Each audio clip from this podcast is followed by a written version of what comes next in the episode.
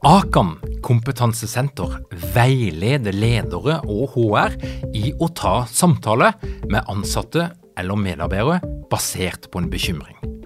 Akan setter ledere og medarbeidere i stand til å forebygge og håndtere en problematisk bruk av alkohol, narkotika, legemidler, spill eller doping blant ansatte. Ønsker du å lære mer om god forebygging og gjennomføring av samtale med en som du er bekymra for? Da kan du nå få tilgang på Akan sitt digitale samtalekurs til spesialpris, kun 760 kroner. Målet med kurset er å gjøre deg tryggere i det som kan være en krevende, men viktig samtale å ta i lederrollen. Du får tilgang til kurset med å gå til samtalekurs.no, samtalekurs.no, og bruke kampanjekoden LEDERPODDEN. Tilbudet gjelder ut april.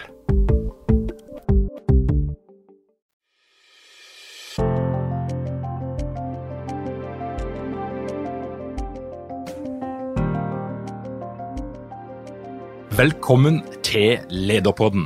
Dette her er en podkast for deg som er interessert i ledelse, som ønsker inspirasjon i eget lederskap, eller bare er rett og slett nysgjerrig. Lederpodden det er min podkast, og mitt navn er Tor Roger Eikerapen. Jeg jobber som organisasjonspsykolog, og i denne podkasten inviterer jeg inn folk som jeg mener sitter på kunnskap, erfaringer, kompetanse som jeg tror andre kan ha bruk for å få tilgang på. Det er rett og slett hele konseptet. Og I dag så har jeg fått med meg en eh, utrolig dyktig mann. Han eh, har forska på noe som ja, jeg tror de fleste kjenner at det wow, er det mulig å, å, forske på? Er det et tema? Og jeg husker i hvert fall første gang jeg hørte om hans sitt prosjekt, så ble jeg ekstremt nysgjerrig. Og i dag skal vi dykke litt inn i det prosjektet. Og Per Magnus Thomsen, velkommen til Lederpodden. Tusen takk for det. Du er psykolog, og du er som mange psykologer mangfoldig, vil jeg påstå. Ja. Du er førsteamanuensis og forsker på BI, eh, der du har gjort en doktorgrad som vi skal komme tilbake til ganske snart. Du jobber òg en del med individualterapi, og du er faktisk kjent fra TV. ja da, det stemmer det. Som en av, av, to psykologer i programmet Gift med første blikk. Mm. Min lille guilty pleasure i arbeidslivet, som, som er, har vært et veldig veldig spennende prosjekt å være med på i fem år nå, har det blitt. Mm. Ja. Og Det er gøy, tykker jeg. og det er, jo, det er, jo, noen psykologer som trives best i terapirommet og holder seg stort sett der gjennom hele karrieren sin. Og så er det jo noen da som, som, som er nysgjerrige og som løper uh, litt rundt på forskjellige områder. Og, og, og tenker kanskje òg at dette her, det hele henger sammen på, på en eller annen måte. Mm. Men Per Magnus, du gjorde for det er ikke så veldig lenge siden, det er en ganske uh, relativt fersk doktorgrad uh, der du har jobba nå i mange år uh, med et tema som, som jeg tykker er, ja, det er, det er, interessant og det er litt annerledes enn, enn det en ofte ser for seg når en skal forske på, på, ledelse. Og det du har gått inn i, det er rett og slett det, det, det, fenomenet som heter tilknytning, som er en ganske viktig del av utviklingspsykologien. Men, men du har ikke forska på barn og tilknytning, som jo er det mest, mest vanlige. Du har gått inn og sett på ledere og de sin tilknytningsstil, og hvordan det påvirker ledelsen. Mm. Kan du fortelle hva det som gjorde at du eh, ja, ramla ned på det som din problemstilling? Ja, det har, vært en lang reise, altså. Men eh, jeg, jeg, begynte jo å jobbe som, som vanlig konsulent og, og organisasjonspsykolog for eh, eh, ti år siden, er det vel. Um, og, og var, var, da ute og drev med lederutviklingsprogrammer og, og hadde også mye én-til-én-samtaler med ledere. Så, og terapi, til og med terapiprosesser med ledere. Og um, tror jeg har sittet i, primært sittet i terapeutstolen, men også observert ledere i i, i, mange sammenhenger, så, så syns jeg det Altså, det slo meg at noe av Noe av det det som på en måte er vanskelig for ledere, noe av det ledere strever med, eh, er, er jo også på en måte når, når, når deres mer sånn grunnleggende psykologi kommer i veien, på en måte. Og jeg ble veldig interessert i hvordan Altså hvordan noen ganger så, noen ganger så kan bevisstgjøring eh, være nyttig i lederutvikling, og noen ganger kan, kan, eh, kan lederutvikling på programmer og i gruppesettinger eh, ha fin, fin effekt. Men av og til så, så, er også noe av det som er, er en en form for lederutvikling som jeg, jeg, fikk veldig sansen for, og som jeg ble mer og mer opptatt av. Den formen for lederutvikling hvor vi også prøver å komme litt sånn dypere under huden på folk. Altså sånn, og, sånn, og, dette vet jo du vil mer enn meg om, til og med, Roger, sånn, i forhold til sånn, hva, det der å få effekt i lederutvikling. At, at det finnes, vi kan gå inn på mange nivåer, og av og til så er det også så, så, så, er det å komme sånn skikkelig under huden på ledere noe av det som eller noe av det som er det virkelig spennende, og det som for noen ledere kan virkelig liksom skape den nødvendige endringen. Fordi det jeg, det jeg på en måte ofte så, var, var at når, jeg hadde, var så heldig å komme så nær på ledere da, i en terapisetting eller, eller lederveiledningssetting, var at de temaene som For eksempel et tema som, som, det at en leder kommer og sier 'Jeg strever med det å være nær folka mine. Jeg strever med å få tillit. Jeg strever med å liksom være en, en, støtte. Jeg blir utslitt av det. Eller jeg kjenner at jeg får det ikke helt til. Altså den, det, det å være nær, for eksempel. Eller eller eh, jeg strever med å sette grenser for dem. Jeg, jeg føler meg slem når jeg, når jeg, skal ha en vanskelig samtale eller, eller, forvente noe av dem som jeg vet koster dem mye. Eh, det som på en måte ble tydeligere og tydeligere for meg, var at de temaene der som ledere kommer med som ganske sånne praktiske og konkrete lederutfordringer, og som er i kjernen av ledelse, de har nesten alltid røtter tilbake til, til lederes historier. Altså sånn at den som, den som syns det kan være vanskelig å stille krav eller sette grenser, de har ofte en historie som for eksempel eh, Jeg måtte i, i min oppvekstfamilie så var det veldig lite rom for at jeg satt grenser. Da følte jeg meg ofte slem hvis jeg hvis jeg tok meg til rette eller sa nei til mamma, fordi da ble hun Da så jeg at hun ble lei seg. Um, eller det å være nær. Det er et tema som vekker mye Som jeg selv ikke har et sånt så ålreit forhold til, for i min oppvekstfamilie så, så, var vi mer distanserte. Og det å snakke om følelser og det å liksom å være sårbare, det så vi litt ned på. Og derfor blir det veldig rart og vanskelig for meg å skulle drive på med det som leder. Så det var egentlig startskuddet. At, at jo mer på en måte jeg fikk, fikk det, var heldig å komme så nære på, på mange flinke ledere, så syns jeg den linken der ble tydeligere og tydeligere. At vi har med oss altså at alle vil, si, alle vil vel være enige at vi har med oss mye av personligheten vår f.eks. inn i en lederrolle, men at det ikke bare er snakk om eh, er vi innadvendt eller utadvendt eller ryddig eller rotete, eller, men at vi også har med oss de nære relasjonserfaringene. Og det er det hele tilknytningspsykologien egentlig liksom er et veldig sånn spennende og godt og velforsket rammeverk for å si noe om hvordan, hvordan den, den, det operativsystemet av, eh, som vi har fått gjennom tidlige barneår, og, og, som vi utvikler og oppdaterer hele veien, men, men, hvordan de nære erfaringene med de viktigste personene i livet, hvordan det også er er en slags sånn eh, linse eller et, en sånn mal vi har med oss ut i verden når vi skal forstå og deale med relasjoner også på arbeidsplassen. Og når du er rundt forbi i ulike organisasjoner og treffer ledere, i hvilken grad er de klare for å snakke om den type myke, nære og egentlig ganske dype temaer? Ja, og det det, det, er jo et, på, på, sett og vis så, så, opplever jeg jo det at det, er, det varierer. Sånn eh, hvis, hvis, jeg skal tenke Jeg har jo hatt veldig mange foredrag eh, om dette her, og, og har vært og snakket med mange av de lederne hvor vi har samlet Vi har inn data fra ca. 800 ledere. Vi har vært i 15-20 organisasjoner, tenker jeg, og holdt foredrag om dette her. og, og er, på sett og vis så tror jeg det for mange er, er, Det gir en slags sånn resonans. På sett og vis er det også et litt sånn følsomt tema, fordi det, vi har forskjellig alle, alle, har bagasje, og noen i større grad enn andre. Og det er mange som blir, blir litt blanke i øynene når, de, når vi snakker om det, disse temaene her. Så, så, så, det er på en måte et sånt tema som, som både kan liksom skape en del en del interessante refleksjoner, tror jeg, sånn hvis vi jobber med hvis jeg er sånn store grupper med dette her. Og så, og så opplever jeg at, at, de tingene her er, eh, er noe som krever grundig jobbing hvis man virkelig ønsker å gå inn og skape endring på dette. her, At det, det å endre, endre liksom de, de, fundamentale relasjonserfaringene vi har med oss fra, gjennom et levd liv, det, det, tar litt tid hvis vi skal jobbe med det i, Og det er, det er, krevende arbeid og, og, og emosjonelt belastende arbeid for veldig mange. Men, men også et arbeid som, som, jeg opplever veldig ofte gir, gir en gir mange ledere et løft, og, og skaper en, både en forståelse hva er mine blinde flekker, eller det som, det som egentlig liksom ligger til helt sånn i dypet, som gjør at jeg strever ved visse deler av lederrollen, f.eks. Mm.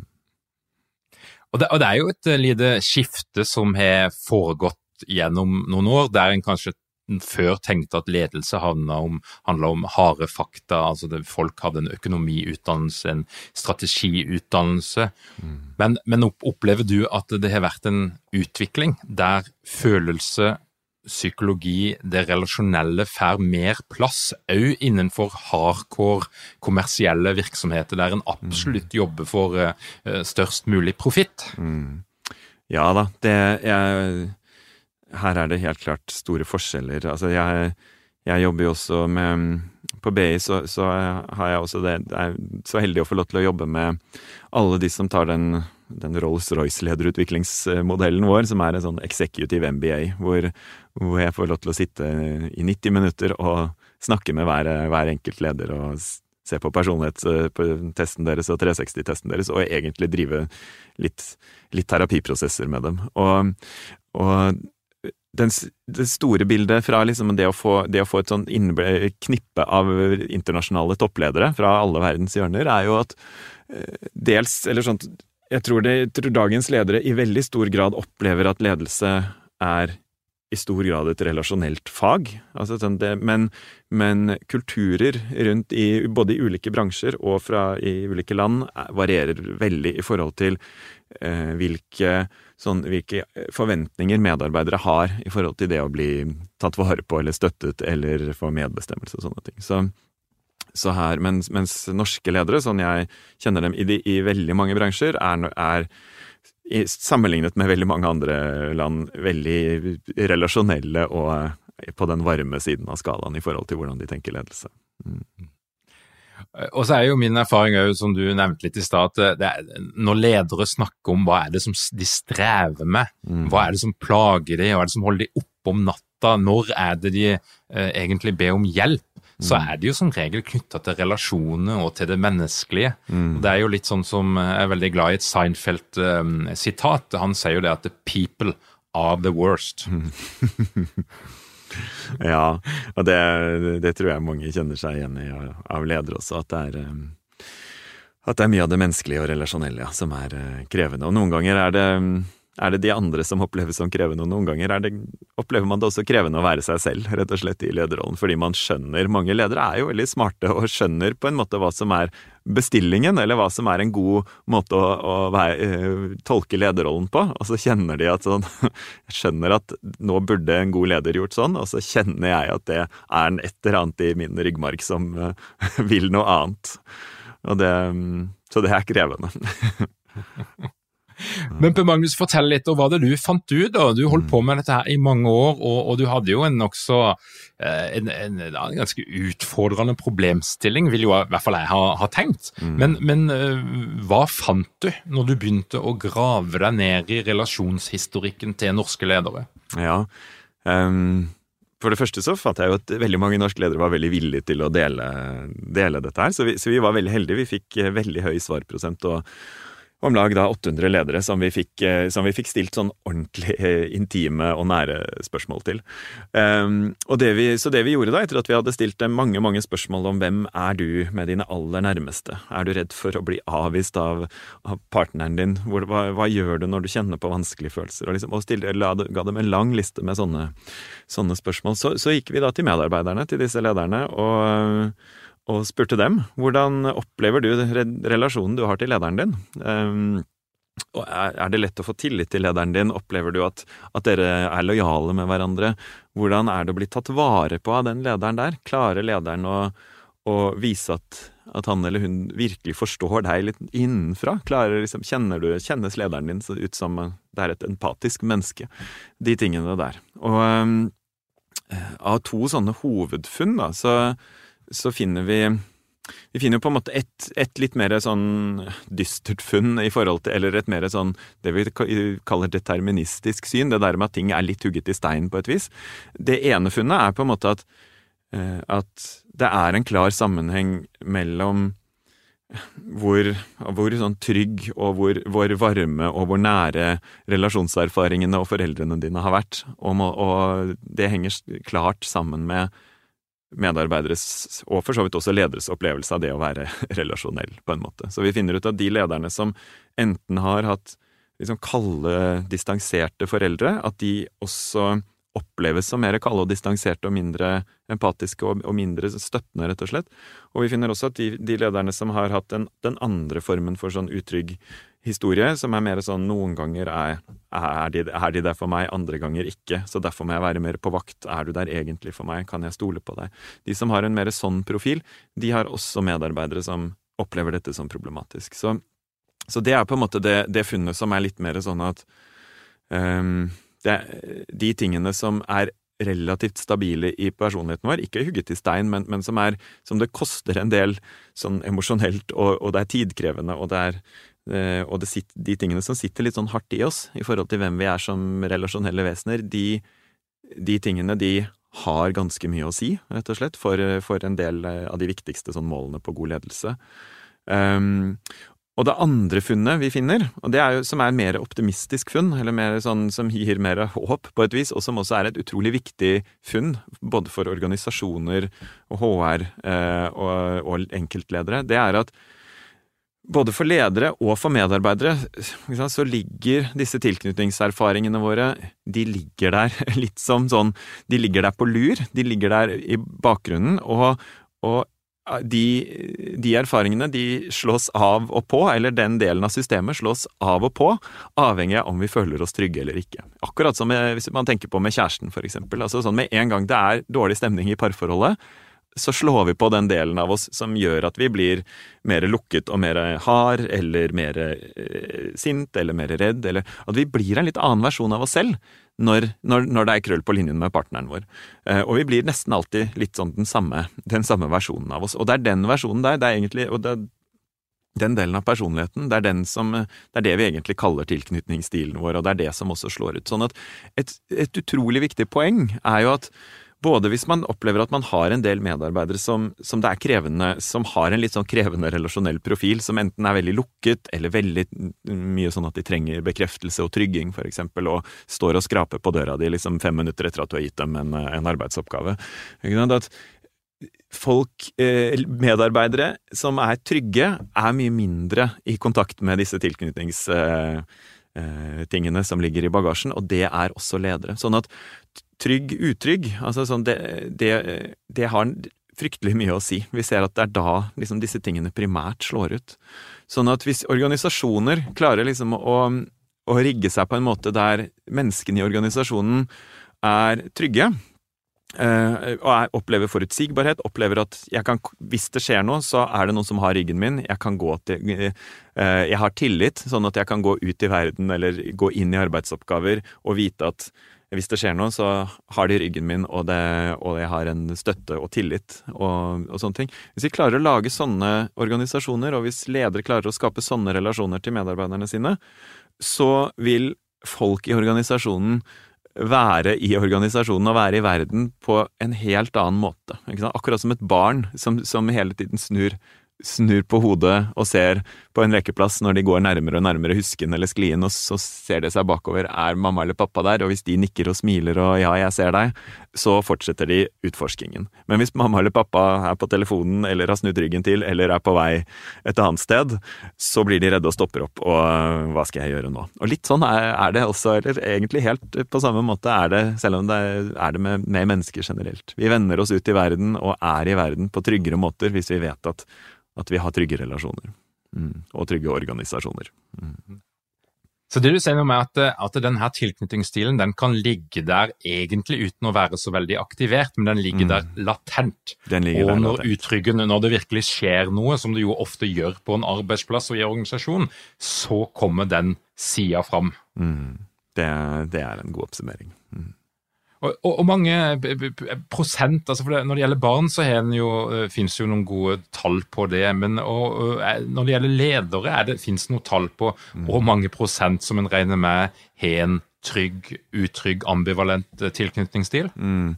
Ja, altså for I norsk, vanlig voksenpopulasjon, så, så, når vi lager sånne putter folk i bokser, da, så, så, så tenker vi at om lag 40% av befolkningen har har det vi kaller en unnvikende eller en engstelig stil, som er enten at du lukker deg og trekker deg tilbake og skrur av følelser når noe er vanskelig, eller at du blir veldig sånn uregulert, og følelsene blir veldig store, og du trenger mye trygging. Ehm, når vi ser på våre data, på våre, på våre, ledere, så er det ingenting som tyder på at bildet er vesentlig annerledes enn det. Vi ser kanskje noe bitte litt lavere, eller litt lavere forekomst, men, men det er eh, relativt uvesentlig. Og, og, så er det jo også sånn som, at, som i psykologien generelt, at sånn, disse boksene, eller disse skillene for hva, når man er det ene og når man er det andre, er jo, er jo litt kunstige, og noe vi, vi på en måte bare har funnet på. Sånn at jeg tror en, en riktigere måte å tenke om dette på, sånn er at alle, alle, har noen alle, alle, har en relasjonell bagasje. Og for noen så blir denne, og for en del, så, så blir denne relasjonelle bagasjen eh, Så er den såpass, eh, såpass tung å bære, eller såpass eh, signifikant at vi at, de, at det vil slå eller skape mange problemer i en, leder, eh, i en lederrolle, eller, eller, i et arbeidsliv generelt som en, som en medarbeider. Um, men at dette, dette, er på ingen måte en sånn ting som vi kan anse som at dette er en bitte liten del av folk hvor, som og, og 95% har ikke dette som et tema, på en måte. Alle, jo, alle, alle, vil jo på en måte bevege seg som regel mot den ene eller den andre siden av en skala, hvis man tenker på hvem er jeg når jeg krangler med partneren min. Så hvis vi ser i parterapi, så er det nesten alltid en som er Eh, tre, tilbaketrekkeren og en som er den pågående, eller to, to av hver av de typene. Så vi har alle i oss noen sånne ryggmargsreflekser som, som i relasjoner kan, kan, bli litt trøblete. Vi er ikke bare trygge i verden i, i, når vi nærmer oss relasjoner. Mm. Og da, det, er jo, det, er, det er jo et relativt høyt tall Mm. Eh, det er en ganske høy, høy, andel, og da sier det jo òg noe om at det, det, er ikke det samme som har vokst opp i omsorgssvikt. Nei. Det er ikke det samme eh, som å ha vokst opp i et ekstremt dysfunksjonelt eh, hjem, men, men, det er altså innenfor det normale. Så, mm. så er det jo mulig å ha en, ha en unngående tilknytningsstil, eller en, en mm. utrygg tilknytningsstil. Ja, ja, det er helt klart. Vi, og jeg tror et godt utgangspunkt for selvinnsikt er at vi har alle bagasje. ja. Ingen slipper unna. Nei. Men når vi ansetter ledere på, på, høyt nivå, så er det klart ledere er en premissleverandør for resultatet, for motivasjon. Det er mer enn ledere som betyr noe. Mm. Men, men når vi rekrutterer ledere og, og selekterer ledere, så jobber vi kanskje ut ifra en personlighetstest som Er dere mange ledere uten trening eller utdannelse innen ledelse? Mangler dere en felles kultur og praksis for ledelse? Ønsker dere å være bedre rustet for fremtidig vekst og endring? Da kan et internt lederutviklingsprogram være en god investering. I Execu så er vi eksperter på å designe og gjennomføre bedriftsinterne lederutviklingsprogram. Hvis du ønsker å lære mer om hvordan vi kan hjelpe dykken til å få enda bedre ledere, ta og klikk deg inn på execu.no.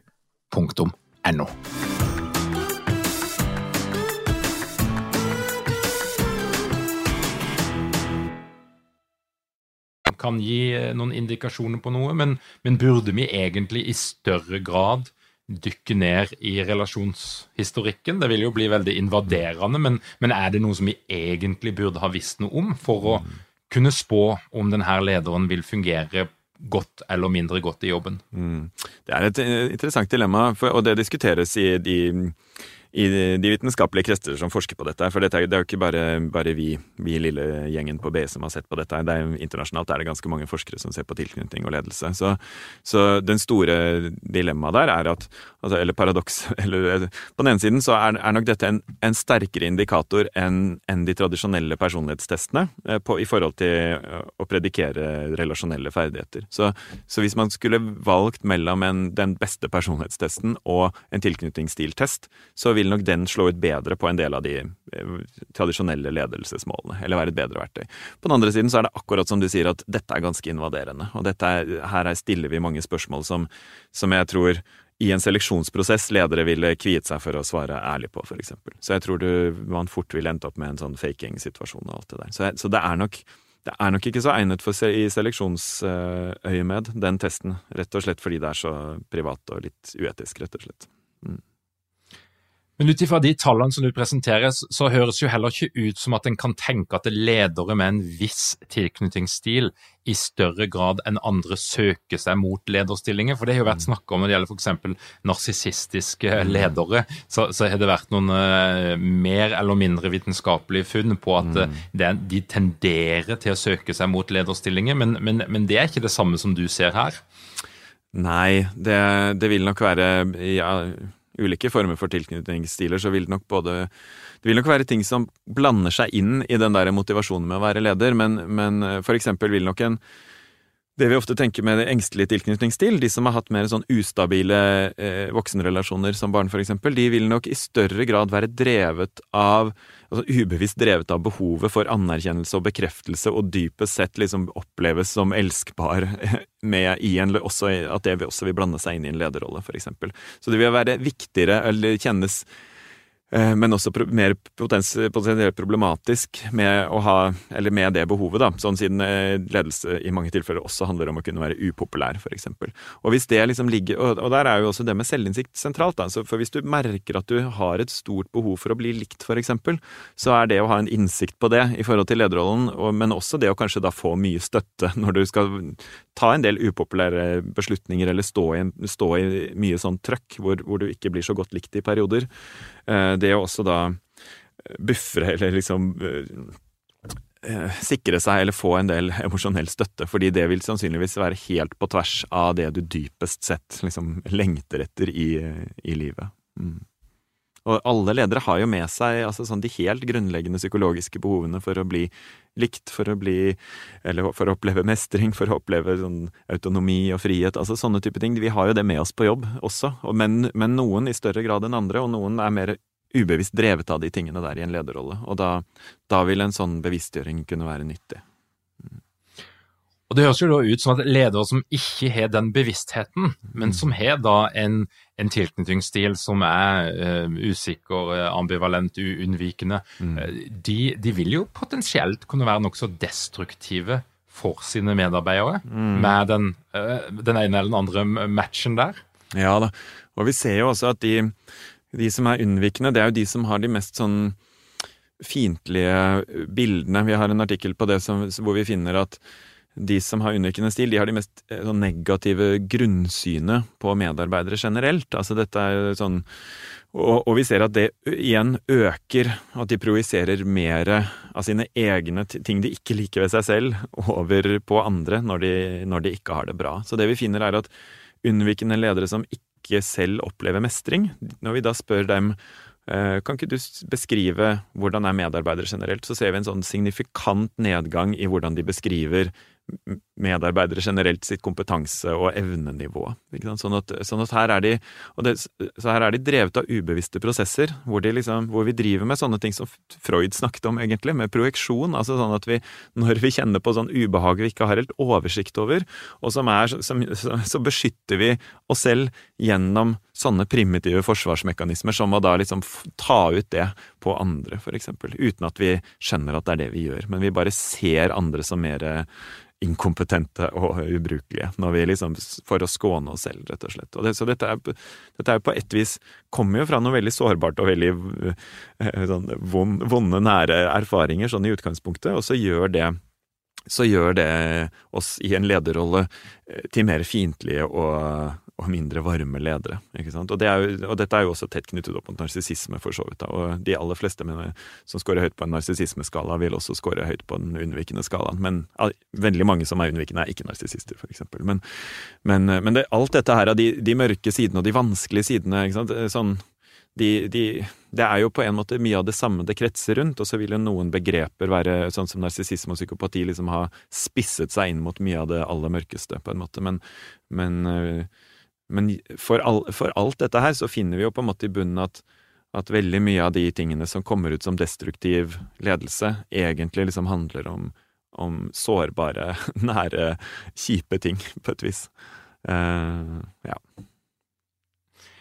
Og da er jo eh, Konklusjonen er jo at det, lederes tilknytningsstil er jo da ekstremt viktig. for altså Det kan rett og slett påvirke eh, trivselen til de som er rundt. Det er kanskje den, sånn, mest åpenbare tingen, men det handler jo om prestasjon over tid. Mm. Jeg vil kanskje anta at eh, den type tilknytningsstil og atferd som, som, kan følge med, det kan skape høye prestasjoner på en eh, kort sikt, fordi at det kan mobilisere en del frykt og, eh, og eh, konkurranse. Men, men, på sikt så vil en nok se et fall både i prestasjon og motivasjon. Mm.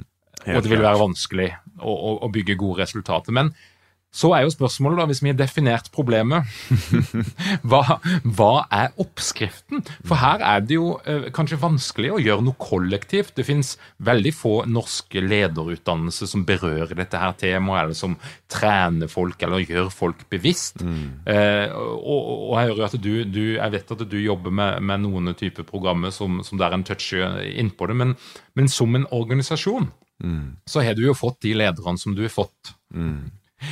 Hva kan du gjøre for å sikre at du har ledere som greier å håndtere sine egne følelser og sin egen tilknytningsstil på en konstruktiv måte? Mm, ja da, det er et eh, stort og krevende spørsmål, Tor Åge. Um, og jeg tror jo, altså, og der er vi jo, der er jo sånn En ting som jeg sa i stad, er jo det, der med at vi de aller fleste er, er ganske ålreite versjoner av en selv når man, når man, har det bra og når man er trygg og alt det der. Så, så som organisasjon, så og, da, og, det er jo enten man tenker på um, forskning på motivasjon eller, eller andre ting, så, så, er jo Det store bildet er jo at organisasjoner i stor grad på en måte kan være veldig sånn menneskeorienterte og fine, varme organisasjoner, eller kan være mer kalde, kjølige instrumentelle kalkulerende, på et vis. Og hvor, hvor, et stort miljø hos oss på vårt institutt på BI, jo, eh, med Bård Kuvås i spissen, har jo på en måte hamra ut nå i flere tiår at, at eh, det varme lønner seg, også i kroner og ører. Altså sånn, det å gi folk tillit, det å, det å tilrettelegge for at de, de, er motiverte på jobb, det er også resultater. Og, der, og, og den samme historien, eller det samme poenget, gjelder her også. At det å ha organisasjoner som gir tillit i form av faste ansettelser istedenfor midlertidige ansettelser, som gir høy grad av frihet fremfor å, være petimeter på prestasjon og skulle liksom trøkke folk inn i, inn i høy, high og low performers og liksom alt det der, det gjør at medarbeidere vender seg ut i verden og i, i arbeidslivet sitt på en mer effektiv måte. De er mindre sjuke, og de leverer bedre. Så det er jo liksom det store, det store poenget som, som, vi nå har, har, fryktelig godt dokumentert i, sånn, i, fra mange hold, på en måte, av, av, oss som forsker på arbeidsliv. Og det samme gjelder her også. Hvis vi tenker mer sånn på, på hva ledere kan gjøre med medarbeidere, så tror jeg jo at veldig mye av det dels handler om at de må, må jobbe med seg selv. Og, jeg, og jeg, jeg, er nok litt radikal på det punktet der, men, men, men derfor, jeg, jeg mener at de på samme måte som at de fleste psykologer som jobber som terapeuter altså, vi, vi, går i terapi selv også. Vi har gjort det på et eller annet tidspunkt fordi, det, fordi vi tenker at siden jeg skal jobbe så tett med så mange folk, og, eh, og, ha så mye ansvar i relasjoner jeg skal ha til mine pasienter, så trenger jeg å, å, ha ekstra høye krav til at jeg skjønner hvordan jeg virker på folk, mine blindspots, mine greier, så ikke det liksom siver ut i terapiprosessene. Så, jeg, så mitt bekreftelsesbehov hele tiden liksom er gjeldende når jeg jobber som terapeut, for eksempel. Og på samme måte så tenker jeg at det er også andre asymmetriske relasjoner, altså der, der maktforholdet er forskjellig, eh, også, hvor vi også bør ha litt høye standarder til oss selv. I en foreldrerolle er, barna våre helt prisgitt uh, oss selv og, og, våre greier. Og vi er i en asymmetrisk relasjon hvor vi har mye ansvar. Uh, og sånn er det også med lederrollen. At, og jeg mener jo at ledere bør, tenke, bør ta det ordentlig på alvor. At de er i en relasjon der andre er i stor grad prisgitt dem. Det er en maktforskjell som gjør at, at, det bør stilles høye krav, og man bør ha, ha høye krav til seg selv om å ha en god oversikt over ens greier, for å kalle det det på litt, si det litt folkelig. Så jeg mener jo også at mange ledere har godt av å, å være over middels nysgjerrig på Hvem er jeg? Hva er mine greier? Hvorfor er det slitsomt å forholde seg til meg noen ganger? Ikke sant? Hva, og, og, det, er, det, er, prosesser som man kan ha med mange. Det kan man ha med sine beste venner, det kan man ha med partneren sin, det kan man ha med en lederveileder, med en psykolog. Så jeg mener at der trenger, trenger ledere å være Og der opplever jeg at det er veldig forskjellig. Og jeg opplever at selv om ikke jeg har noe statistikk på det, sånn her i Norge så opplever jeg at veldig mange unge ledere har det ganske høyt oppe. Og jeg opplever at det er en litt sånn generasjonsforskjell der. Så jeg opplever at det er en sånn ting i tiden, på samme måte som vi på samfunnsnivå også er mye mer åpne om ting, og mer sånn så vi snakker mer om følelser, vi sitter mer på kafé og her åpner oss for hverandre og alt det der. Der opplever jeg også at ledere, at unge ledere, en av styrkene til unge ledere, sånn selv når de skilter med mindre erfaring, så syns jeg også de skilter med med mye sånn åpenhet og nysgjerrighet for nettopp de tingene der. Og det å gå i terapi, eller det å ha en ledercoach eller et eller annet sånt, er jo ikke særlig tabubelagt lenger. Og det, Uh, og det, det syns jeg er fint, og det tror jeg er en, det er en viktig, en viktig og sunn trend for at vi skal ha sunne organisasjoner og mindre sykemeldte medarbeidere. Mm. Godt konkludert, Per Magnus. Og da, og da, er vi jo litt sånn for å dra dette her med hvordan mm. enda lenger. For det, en kan jo lett snakke lenge om hva, men, men hvordan, og det mer praktiske, ja. så har jo du og, og, eh, kona di faktisk, Tonje Mo Thomsen, eh, dykken er med flere, eh, noen som jobber med et ja, et, et, læringskonsept, et ferdighetssett, som du kan kalle for emosjonsfokusert ledelse. Mm. Og Det er jo det eh, konseptet som dere skal presentere, og som er en viktig modul i lederprogrammet som nå starter til, til høsten. Men forklar litt. Emosjonsfokusert ledelse, hva er det? Ja, jeg tror eh, jeg tror det er, det er, det lettest å begynne med det Det er jo to ord. Jeg tror det er lettest å begynne med det første, emosjonsfokusert. Um, Uh, emosjonsfokusert er et uh, ord, eller, og emotion focused er et ord som, i, som veldig mange psykologer har blitt uh, interessert i i de senere årene. Um, emosjonsfokuserte terapitradisjoner har, er veldig på fremmarsj, um, og emosjonsfokusert psykologi, eller psykologi som som i større grad, og på en mer moderne måter, hvor man tar med hjerneutvikling og, liksom, og nevropsykologi og alt det der, har på en måte gjort viktige oppdagelser og, og, som, som, gjør at vi, vi skjønner mye mer av følelser og hvordan følelser fungerer nå enn det vi gjorde for ikke så lenge siden. Altså sånn, enn det vi gjorde for eksempel da emosjonell intelligens ble et buzzword på midten av 90-tallet. Eh, og i dag så, så har vi masse vi har masse kunnskap om både ferdigheter, som hjelper og det er noe av det vi skal snakke om på det, på det, lederprogrammet, at vi har ferdigheter som vi vet er effektive i forhold til hvordan møte andres vanskelige følelser på gode måter. Og vi har også en, et gode rammeverk for, for, å forstå hvordan ens egne følelser fungerer.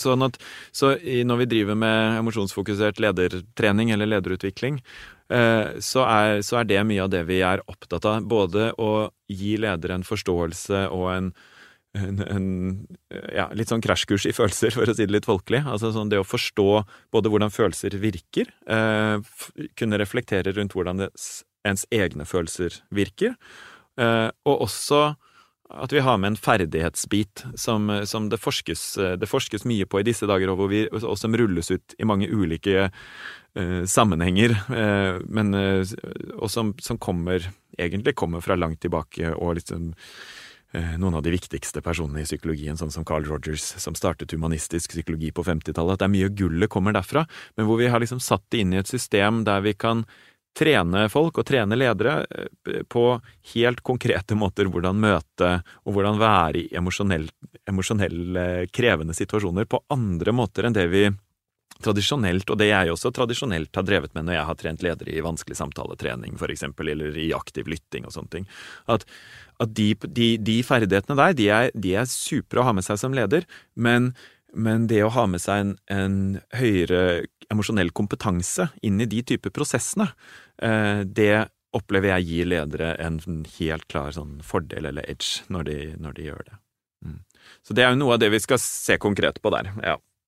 Ja. Mm. Og Det betyr jo at eh, EQ var jo et begrep som Daniel Goldman lanserte, og som fikk mye oppmerksomhet, og det var sertifisering. Og, og mm. etter hvert fikk det jo mye kritikk, blant bl.a. Av, av Linda Lai, med din kollega på, på BI. Mm. Men det du sier nå, er jo at det, dette her er jo en tar med seg kanskje noe av det beste fra mm. den tradisjonen, nemlig at det å håndtere følelser og relasjoner er en lederkompetanse som skaper motivasjon, det skaper resultatet, mm. og, og, du slipper egentlig ikke unna i dagens organisasjonsliv mm. med kun rasjonell, faktabasert kunnskap. Nei, nei. Og jeg tror jo at, og, og noe, av, noe av poenget her er jo også at Altså, hadde det fantes sånne quick fixes som, uh, som Altså, hvor man ikke hadde, det ikke hadde kostet noe, så, så, tror jeg de hadde vært enda mer, mer der ute, på en måte. Det, no, på, på, den ene siden så er jo noe av det der å møte vanskelige, vanskelig følelser hos andre, er jo til, Det er et, et arbeid, det også. Hvis man tenker på barn som sutrer om morgenen og ikke vil ta på seg skolesekken, på en måte. Altså, man kan møte det på en mer sånn avslåtte måte i seg selv. Eh, eller man kan møte barnet som kommer hjem fra skolen og er ordentlig lei seg fordi det har skjedd noe, på en måte der man toner seg inn på barnet, og der man møter de vanskelige følelsene på måter hvor barnet opplever lindring og opplever å bli forstått. Og det, det er noe som det koster noe. Det vet alle som har vært foreldre for, for barn som som har med seg vanskelige følelser hjem etter en skoledag, eller, eller, eller bare, Det er jo en del av det å være forelder, det der å kjenne at ah, nå er det mye Nå driver jeg mye og forholder meg til og regulerer og dealer med barnets følelser. Og det koster noe, på en måte. Og, og, litt, og det, sånn er det jo også med, med, medarbeidere. sånn at noe av det vi Noe av det som er liksom, oppskriften der, eller, eller, eller som er noe av prosessen, er jo nettopp at hvis man bare gjør det på en sånn oppskriftsmessig måte, og hvis man bare tenker bokser og piler og ting man har lært, eh, på, lært sånne, fra sånne buzzwords-tradisjoner, så, så, det så, så, vil det liksom alltid det kommet, kunne komme et stykke med det, men, men, men det vi ser når vi trener folk i disse ferdighetene, er jo at mye av gullet ligger også i det å nettopp gjøre et emosjonelt arbeid, og det å kunne Istedenfor å hoppe på en problemløsning da, når noen sier at åh, vet du hva, dette syns jeg er kjempetøft og vanskelig, istedenfor å hoppe rett på en sånn vet du hva, men nå syns jeg bare du skal gjøre sånn og sånn og sånn, som ofte føles litt sånn åh, dette var jo ikke noe kjentes Eller jeg har det jo ikke noe bedre enn å få masse ufrivillig råd, liksom, det var jo ikke det jeg spurte om. Og det å da gå inn og være med den personen på en måte hvor du i løpet av 30 sekunder eller ett minutt får den personen til å føle seg sett og forstått og, og lindre noe av den frustrasjonen, det er et arbeid som koster noe, men det er også noe det går an å trene på og bli ganske mye bedre på ganske fort. Og det, eh, så da, ja. Så det, det skal vi se mer på da. Mm. Hvis det er ledere som lytter på, så er jeg alltid ute til å få et, sånn der, eh, et bitte lite konkret råd. Og hvis det er ledere som lytter på nå, som som kjenner at de har mye relasjonelle frustrasjoner på jobb. Kanskje er det mye utrygghet knytta til den tida som vi er inne i. Mm. Eh, og hvis de skal liksom bare få en liten start på det å, å, å greie å håndtere utrygghet og følelse på en bedre måte internt i en organisasjon, har du et lite tips? Ja, jeg tror at nettopp det der å den, den, helt sånn basale forståelsen av mennesket som som et, vesen som trenger å føle seg sett og forstått, og trenger å føle seg sammenhengende og fornuftig. Altså sånn at det derre å gå inn og tro at man vet nøyaktig hvordan det er, og det, at, og det å gå inn og gi masse råd til folk som, eh, som strever nå om dagen, det tror jeg er en det er høy sannsynlighet for at du bommer da. Fordi, altså med, og med korona og alt som har skjedd nå, så, så, er menneskers opplevelser veldig, veldig forskjellige om dagen på hvordan det er. Og det å gå inn og heller prøve å forstå den andre innenfra, og, og, og så på en måte gi dem en opplevelse av at det, det, skjønner jeg er krevende, eller det, det, er ikke noe rart det at når du sier det sånn. Istedenfor dette kommer jo til å gå over. Nå er jo tiltakene på korona altså, på vei bort, og dette Altså, selv om intensjonen er god med å prøve å, å hjelpe og oppmuntre, så er vi, grunn, vi mennesker grunnleggende mer opptatt av å føle seg dypt forstått og, og, sammenhengende og fornuftig. Og det, hvis man klarer det, i denne tiden hvor det er veldig mye forskjellige sprikende følelser og, og usikkerhet og alt sånn, så tror jeg ledere på veldig kort tid, altså på 30 sekunder, et, et halvannet minutt, kan gjøre et bitte lite sånn emosjonelt arbeid som vil styrke relasjonen og vil sette medarbeiderne i et litt bedre modus. Og det vil lønne seg. Det var et veldig godt råd på Magnus. Mm. og hvis det er noen som lytter på nå, som har lyst til å fordype seg litt i dette her, og har lyst til å lære mer om å håndtere følelser, relasjoner som leder, eller om du jobber med HR eh, på hvilken som helst arbeidsplass, så er altså Per Magnus tilbake igjen um, på lederprogrammet til høsten og har en egen modul der knytta til emosjonsfokusert ledelse. Da, Per Magnus, må jeg bare si tusen takk for at du kom til Lederpodden. Mm, takk for at jeg ble invitert. Og takk til alle dykken som har hørt på Lederpodden. Lederpodden presenteres av Lederprogrammet Lederprogrammet er et tolvukers digitalt lederprogram, der du får møtt noen av landets fremste eksperter innenfor psykologi og ledelse. Det er kun plass til 100 deltakere, og vi er nå i ferd med å ta inn påmeldingene. og Hvis du ønsker å delta på lederprogrammet, så kan du ta en kikk på lederprogrammet.no.